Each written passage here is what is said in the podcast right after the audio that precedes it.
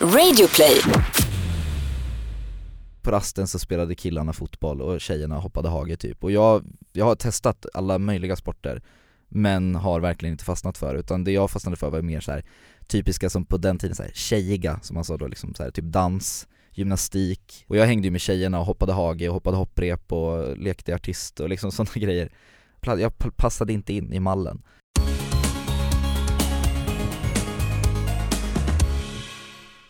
Veckans gäst i Regnbågsliv är Joakim Kvist slash Heja internet. Och Joakim är ju en av Sveriges eh, Youtube-pionjärer kan man faktiskt säga. Han var en av de första med att bli stor på Youtube i Sverige och tillsammans med Clara Henry och William Spets så var han en av de, första som började vlogga. Och idag gästar han oss för att prata om hans komma ut-upplevelse, eh, hans resa på Youtube och ja, helt enkelt det vi brukar snacka om i Regnbågsliv.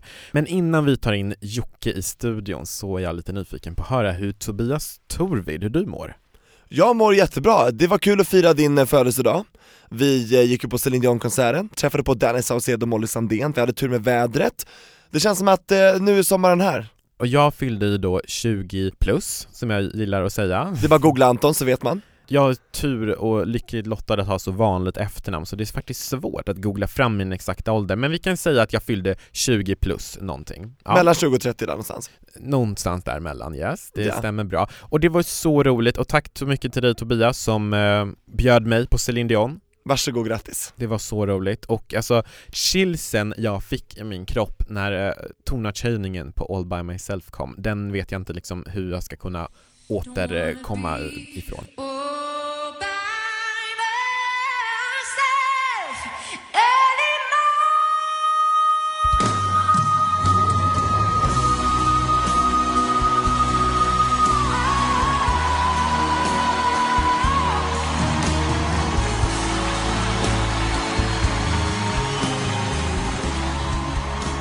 Men ja, vi ska inte snacka så mycket mer om det nu, för jag tycker att vi ska ta in Jocke i studion. Joakim Kvist, välkommen in!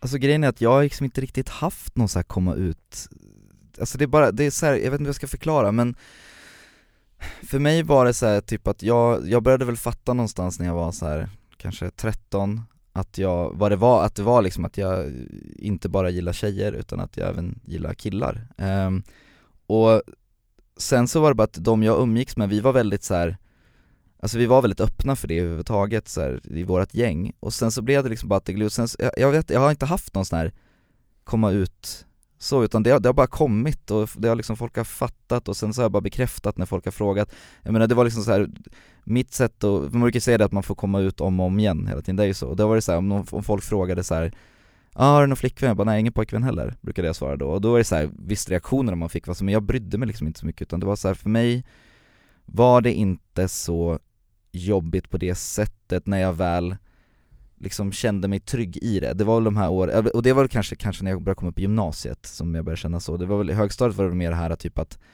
då var man väl lite mer försiktig. Just för att, vi får tänka på att det här var ju liksom på 90, slutet på 90-talet liksom.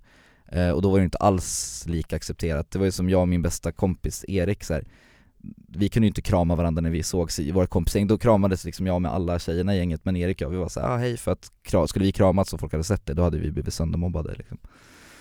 Men så du kom aldrig liksom ut utan det blev mer att, att det blev naturligt? Ja det, ja. ja. det blev så, och det är på något sätt så, jag, jag, tror att alla runt omkring mig på något sätt har bara varit så här.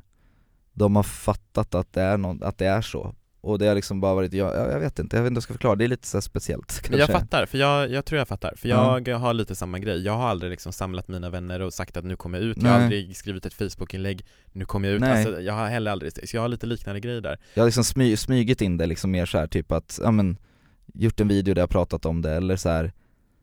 Åh, han är så snygg, alltså du vet, eller du vet så, här, så. En komma ut-upplevelse som du har, den är ju din egen för dig själv. Mm. Och du berättar att du, du sa att du runt 13 år ungefär mm. började du förstå, mm. men accepterade du dig själv eller hur tog den resan, tog den resan tid? Nej, alltså, det, ja, eller ja, jag accepterade det själv. Det har liksom varit för att på något sätt, jag, jag har ju kunnat se tillbaka på det, att jag tror att det här började mycket, mycket tidigare. För att det, jag minns när jag gick, jag tror att jag gick i femman då, vad är man då, 10-11 år liksom. Eh, Så hade jag en, en kompis som hette Oscar som jag var så här, jag älskade att vara med Oscar, jag älskade när vi umgicks, jag älskade att sitta nära honom när vi satt i soffan och tittade på film eller spelade så här, spel. Och jag kommer att jag blev så fruktansvärt arg när han blev tillsammans med en, en eh, tjej i våran klass. Och då var det inte så här typ att jag tänkte att jag var kär i honom, men jag kan ju nu se tillbaka på det att antagligen var det ju det det var liksom. Men nej, alltså jag, jag, jag, har, jag har aldrig haft något problem med just för att jag varit om, jag har haft vänner som har varit så öppna för det. Så att det har inte varit någonting som varit svårt för mig att acceptera faktiskt, nej, nej. Mm. Vad skönt. Jag vet, det är jätteskönt, jag, det känns faktiskt det, det, och det känns kul att det kan vara så ibland också faktiskt, eller så här, för man hör ju ofta som att folk har kämpat väldigt mycket men just med den, just med den grejen så har det har varit, det har varit väldigt naturligt för mig på något sätt bara. Good for you. Ja, Och eh, hur reagerade familjen då? nej men alltså, och där har väl inte varit så här, för att grejen är att jag har väl aldrig varit i något riktigt förhållande så, och det har ju mer att göra med att, alltså ett längre seriöst förhållande och det har ju mer att göra med andra saker i mitt liv, att jag är väldigt så här, ja men haft, haft i alla fall, det har blivit bättre sen, framförallt sen jag började med youtube, men jag har haft väldigt dålig självkänsla och dåligt självförtroende och självbild och allting så. Så att, så det har liksom inte riktigt, vi har inte pratat så mycket om det kanske i min familj faktiskt, för det har inte varit så här aktuellt så.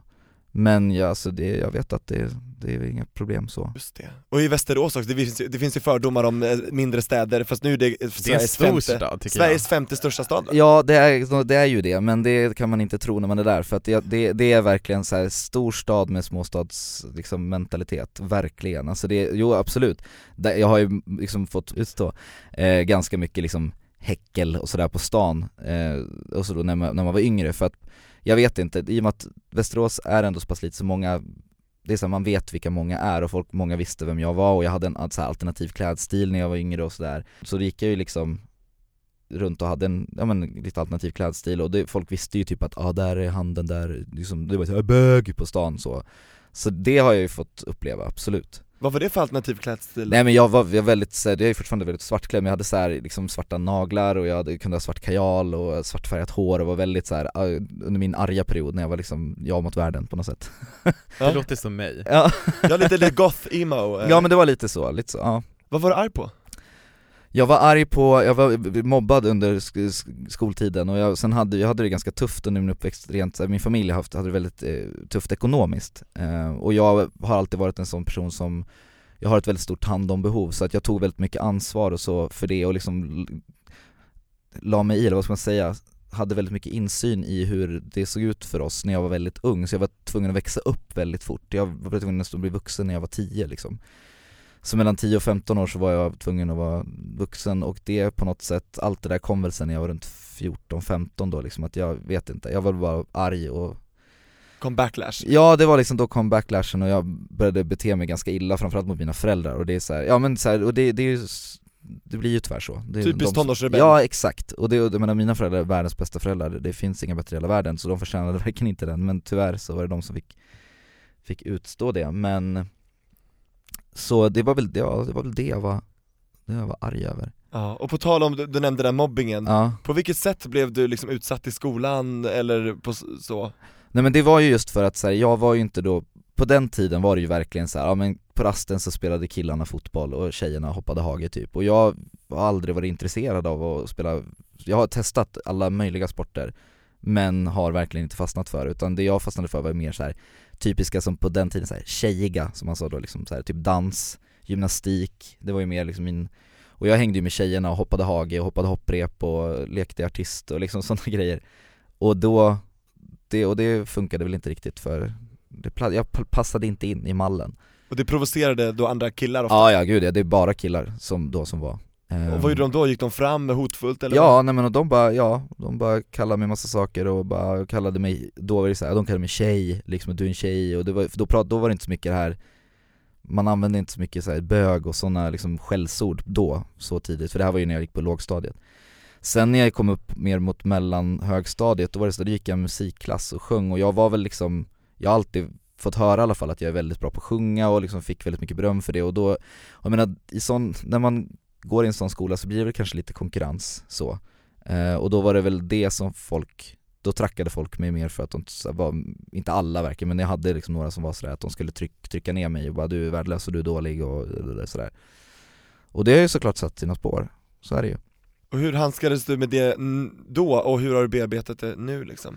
Vad kände du liksom när de sa så och gjorde? Um, alltså då så, alltså jag mådde ju väldigt dåligt av det då och tyvärr så blev det ju, att till slut så blev det en verklighet för mig att säga jag är värdelös, jag är dålig och det är väl det som har gjort att, så här, för jag har väldigt, väldigt mycket prestationsångest i allt jag gör, allt, allt, allt, allt, allt. För att um, jag är en sån person för att i och med att jag fått höra det där nu så är jag liksom i vuxen ålder har det blivit att om till exempel på ett nytt jobb då jobbar jag liksom, jag går in 150% och liksom bara kör rätt in i kaklet bara och nu ska jag liksom verkligen visa vad jag går för, för att jag ska, det är på något sätt att jag måste bevisa att jag är bra. Um, och ett ganska tydligt så här, exempel på det var just ett jobb jag hade tidigare där det var så att jag gick från sommarvikarie till avdelningschef på typ ett år. Och det var liksom så här, den, ja men just bara för att jag jobbade arslet av mig verkligen. Och det är ju för någonstans, någonstans innerst inne bara så här bevisa att jag, jag kan.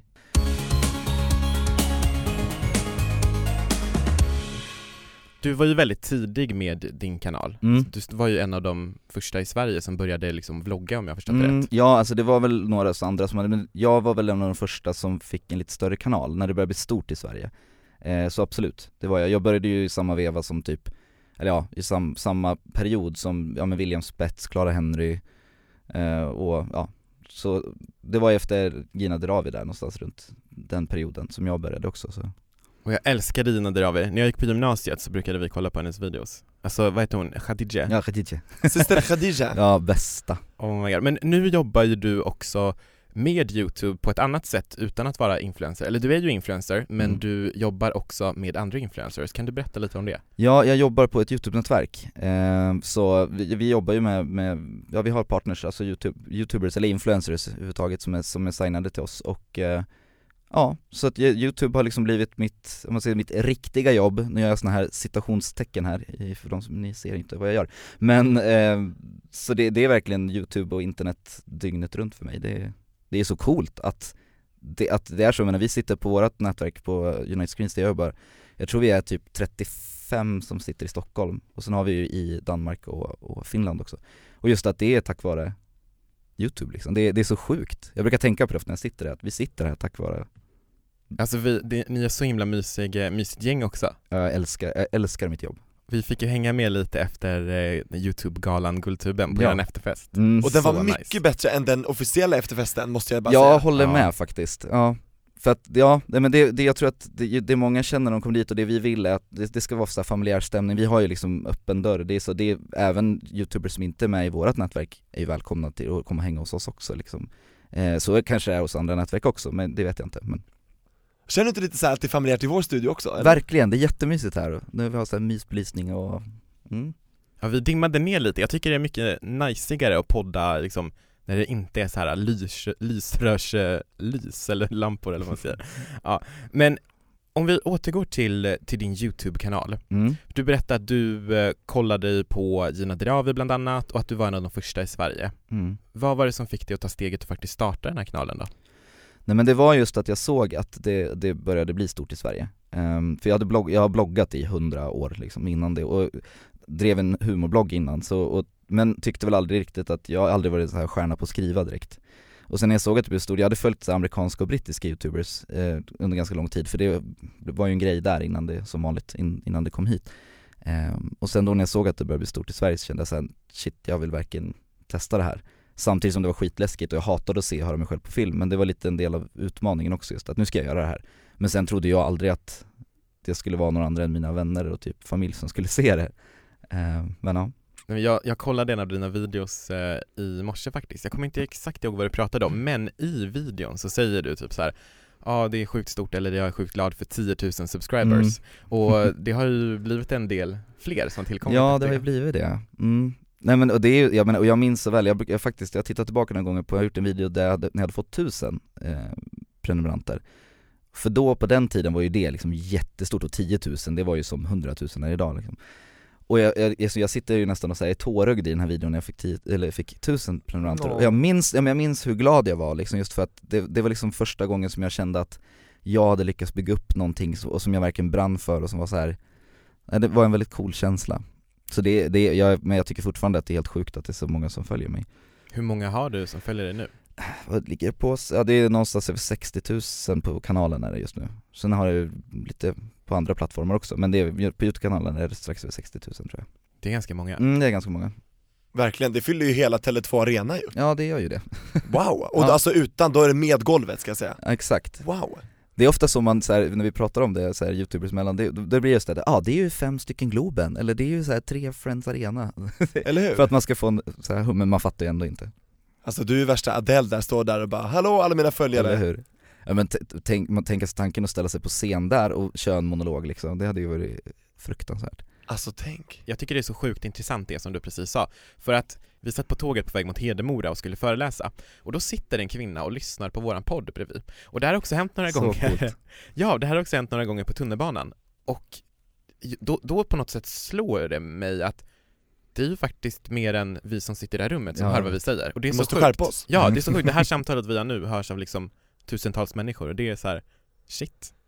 Ja, och, och, det- menar, och det är vid sådana tillfällen man verkligen fattar, och det, jag har ju haft några sådana tillfällen när det varit sådär Shit, det här är på riktigt liksom Ehm, Men det, det är ju så, för annars, det, man ser ju bara siffror annars, det är såhär, ja 60 000, ja Men Jocke, från det glada till det jobbiga då, baksidan med youtube och internet mm. Det måste ju ändå vara näthatet Ja, det är det, eh, absolut. Det är ju någonting som man tyvärr får lov att leva med när man gör det jag och vi gör, när man är väldigt mycket på internet.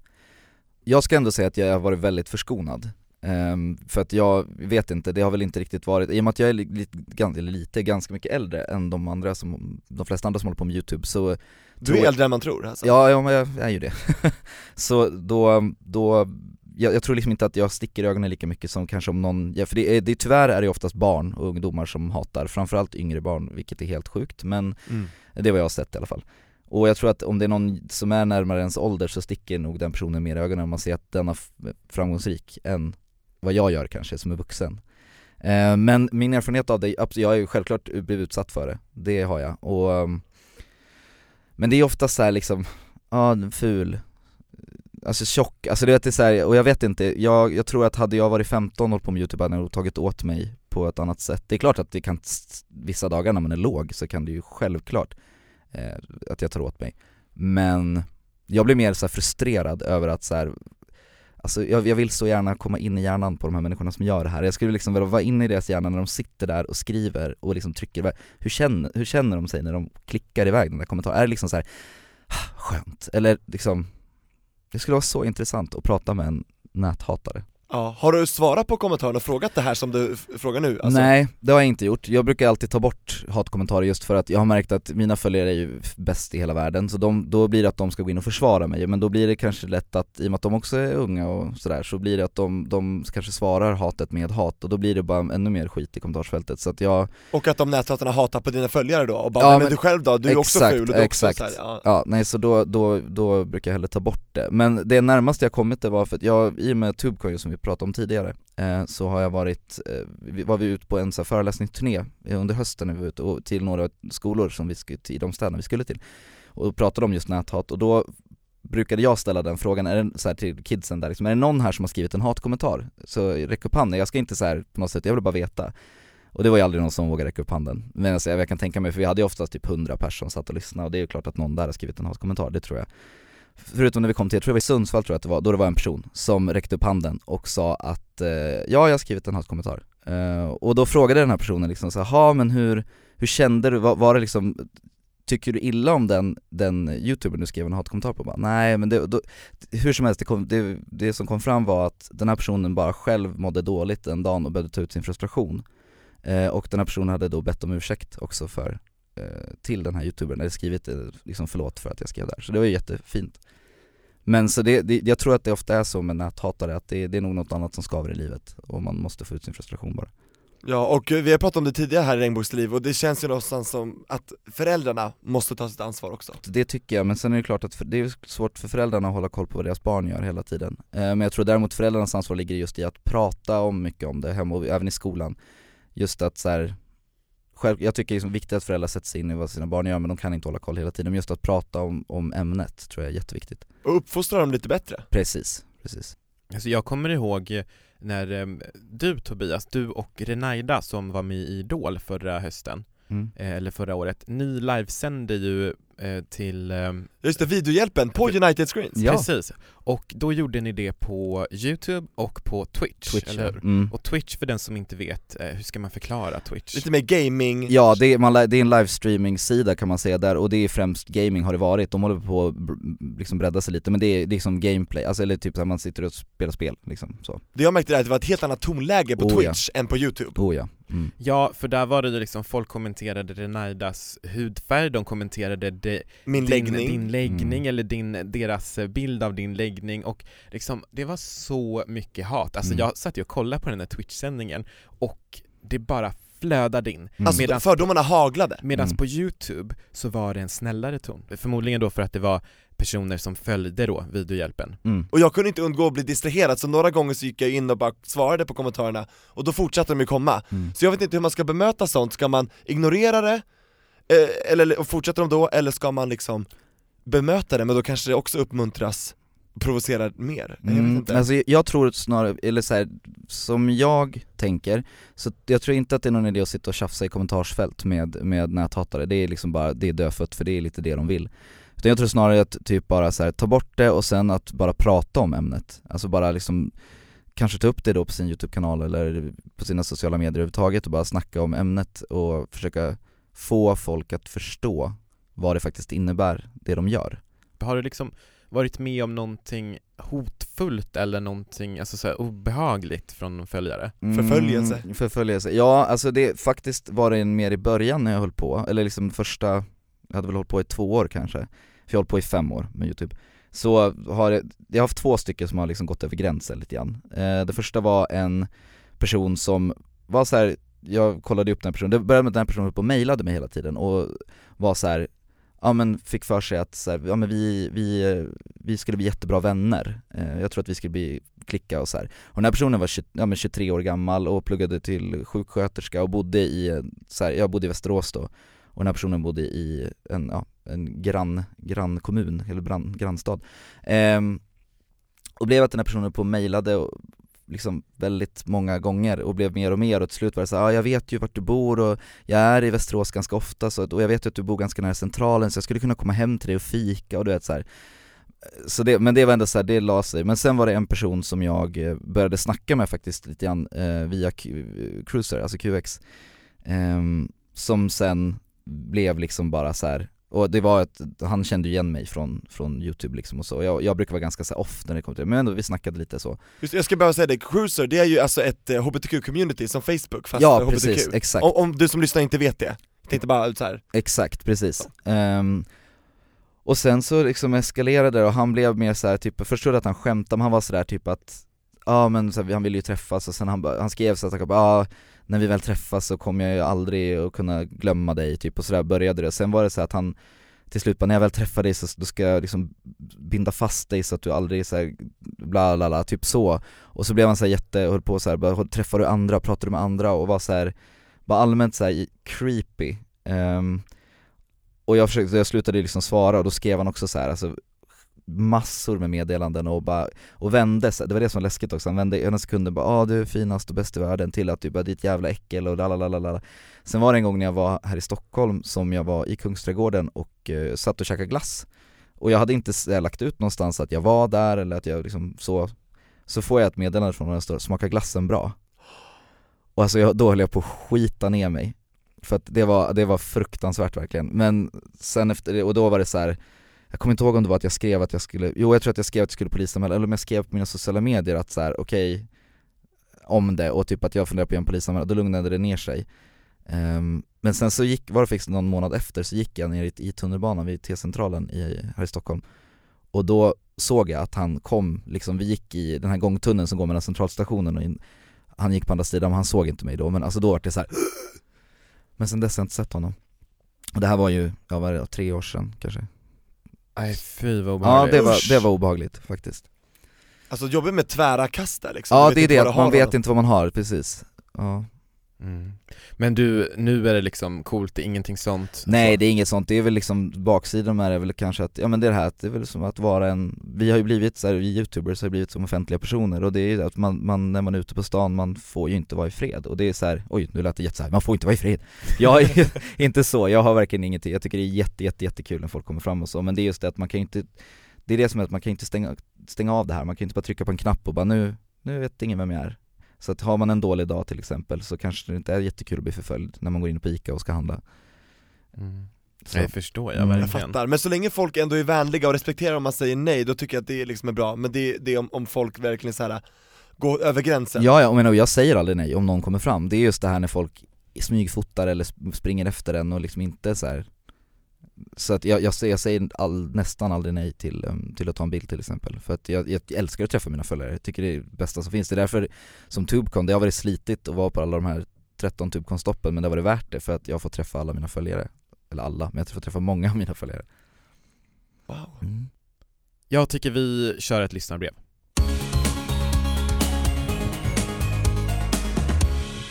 Hej, jag är icke-binär och har varit ute ett tag med det, men eh, bara för en vecka sen så sa jag till mina föräldrar att jag vill bli kallad för Li istället för mitt gamla namn. De blev väldigt emotionella och sa att det skulle bli svårt för dem då namnet känns som en stor del av min identitet.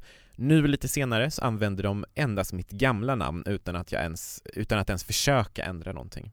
Hur tycker ni att jag ska prata med dem så att de ändrar sig och att det inte blir emotionellt svårt för dem? Tack. Jag tänker direkt så här att föräldrarna, fan, kalla Li för Li om Li vill bli kallad för det. Ja, verkligen, Skärp er. verkligen.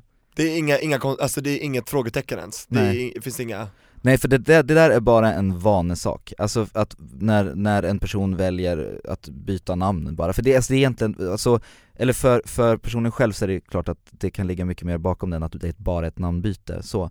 Men jag menar för utomstående så är det bara ett namnbyte, och det handlar bara om en vanesak att att byta, jag menar jag vet som när, när Kylie Norell bytte från Jens Norell till Kylie Norell, eh, alltså jag fuckade upp det flera gånger och sa fel bara för att jag var så van att säga Jens till Kylie Men nu är det ju liksom inget, inga problem Så det är ju en grej, vanesaken, och den tror jag man bör ha överseende med. Men här skriver ju Li också att föräldrarna sig, har sagt att namnet är en stor del av identiteten och att de blev emotionella. Så att de har ju visat på att de inte är helt bekväma med namnbytet och den tycker jag inte är okej. Ja det innebär att de inte accepterar eh, Li som Li är Jag menar att de har sagt att det är ditt, ditt namn, ditt tidigare namn, nu vet ju inte vi vad det är, men att det är en stor del utav eh, Lis identitet. Men det tycker jag på något sätt att där får man ju sätta sig själv i andra rummet för att jag tror att Li tycker att det nya namnet är viktigare för identiteten. Ja, Ja, oh de ja. bara 'Vi har döpt dig till det här, då ska du heta det här' Så Ja. kan jag tänka mig att föräldrarna Och det är ju bara själviskt av föräldrarna tycker jag. Och jag menar, och sen är det så här, och det kan ju vi sitta och säga, bara det är själviskt, det är så här, faktum kvarstår att de inte verkar vilja. Och hur ska man få dem att vilja? Alltså det, det är ju bara att verkligen förklara och få dem att inse liksom vad det här, vad det här namn, alltså vad, vad namnbytet innebär faktiskt. För som jag sa, för, för utomstående är det bara ett namnbyte, men för, för liv, vad betyder det? Liksom?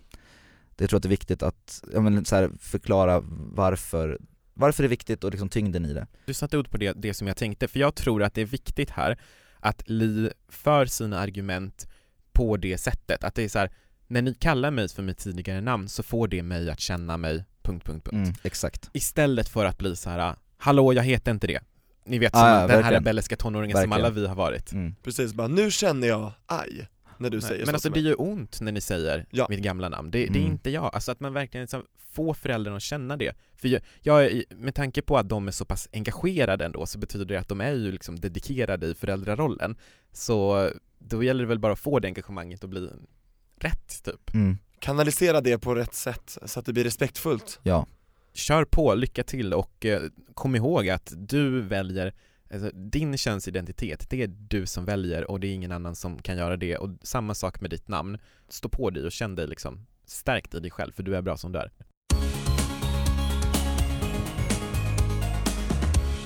du som lyssnar får jättegärna skicka in massvis med frågor, vi hoppas att vi liksom kan besvara dem, och det är då på sociala medier Anton, eller hur? Där heter vi Regnbågsliv på Instagram och på Facebook. Stavas som det låter. Och vi har ingen YouTube-kanal än, kan inte vi få, du som Eh, Jocke, du som är bra på det här med Youtube, tror du Regnbågsliv skulle kunna starta en Youtube-kanal? Det tror jag absolut jag vill absolut se er två på Youtube. Vill Åh, du? vi har en Ja, ja, ja, prenumerant! Ja, det är lätt! Jag skulle bli den första. Alltså vi har en Youtube-kanal som heter Anton och Tobias, som vi har typ Ja. 300 följare, vi har aldrig riktigt satsat på det där. Vi har lagt upp sex videos, ni- du som lyssnar kan kolla in om du vill, det är lite tokiga Men vi videos. kanske ska byta, om- byta namn på den till Regnbågsliv. Det tycker jag. Ja, Ja för vi varför måste claima kasta det. 300 följare? Nej nej när vi nej ändå nej, kan- nej, byt namn på kanalen bara. Ja. Gud nej, det tycker jag absolut. Nu måste vi claima det innan någon annan heter det. Ja gör det Oh my god Okej, Ja. innan vi publicerar det här så måste vi göra det. Men Ja. Jocke, du som är youtube-guru, du kanske kan Ja. hjälpa oss? Ja absolut, lätt För det är det du jobbar med om Ja dagarna. jag jobbar ju med det om dagarna så att Hallå, perfekt, Anton det här är perfekt Ja, det här är så himla bra mm. Nej, tycker du också att vi ska starta Youtube, skriv gärna till oss på Facebook och Instagram för det är där du kan nå oss just nu och säg också vad du vill att vi ska göra för vi, ja, vi är öppna för förslag Tusen tack Jocke för att du besökte oss idag Tack snälla för att du fick komma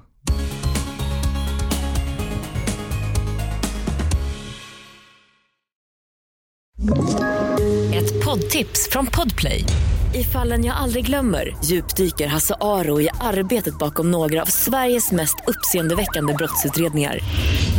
Går vi in med hemlig telefonavlyssning och, och då upplever vi att vi får en total förändring av hans beteende. Vad är det som händer nu? Vem är det som läcker? Och så säger han att jag är kriminell, jag har varit kriminell i hela mitt liv men att mörda ett barn, där går min gräns. Nya säsongen av Fallen jag aldrig glömmer på Podplay.